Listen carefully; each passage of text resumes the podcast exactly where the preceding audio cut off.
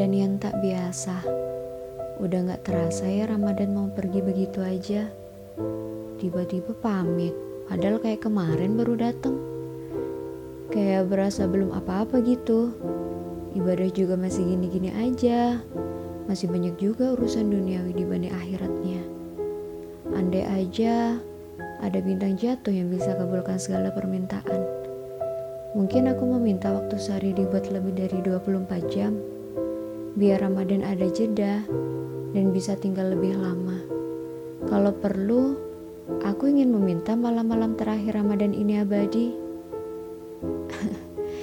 ya gini ya manusia, sukanya andai-andai. Eh, tapi jangan-jangan, jangan berharap pada bintang yang jatuh ya.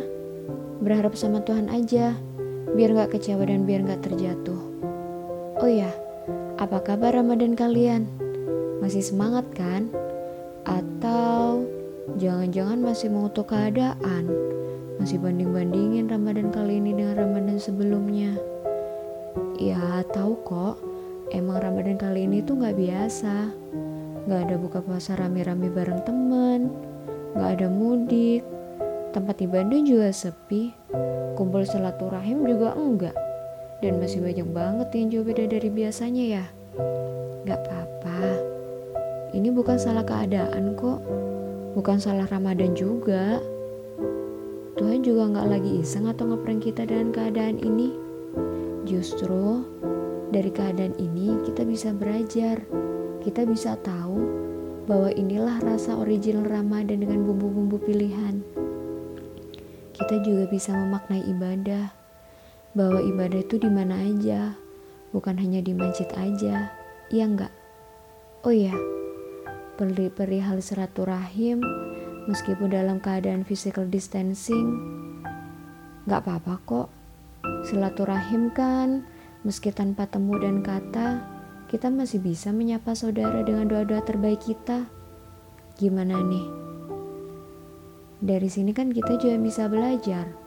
Kalau hadirnya buber kumpul-kumpul ngabuburit hanyalah rasa tambahan biar Ramadan makin variasi aja rasanya. Gak apa-apa, semua pasti ada baiknya ya. Semua pasti ada tafsirannya sebelum kita tahu. Tuhan tuh baik banget dan Tuhan tuh maha pas. Cuma kita aja yang terlalu terburu-buru mengambil kesimpulan. Ya enggak? Ramadan tuh baik banget, baik banget. Ramadan akan hadir dan tetap hadir sebagai Ramadan. Gak peduli sama keadaan, gak peduli sama kita, gak peduli apa pun musibahnya.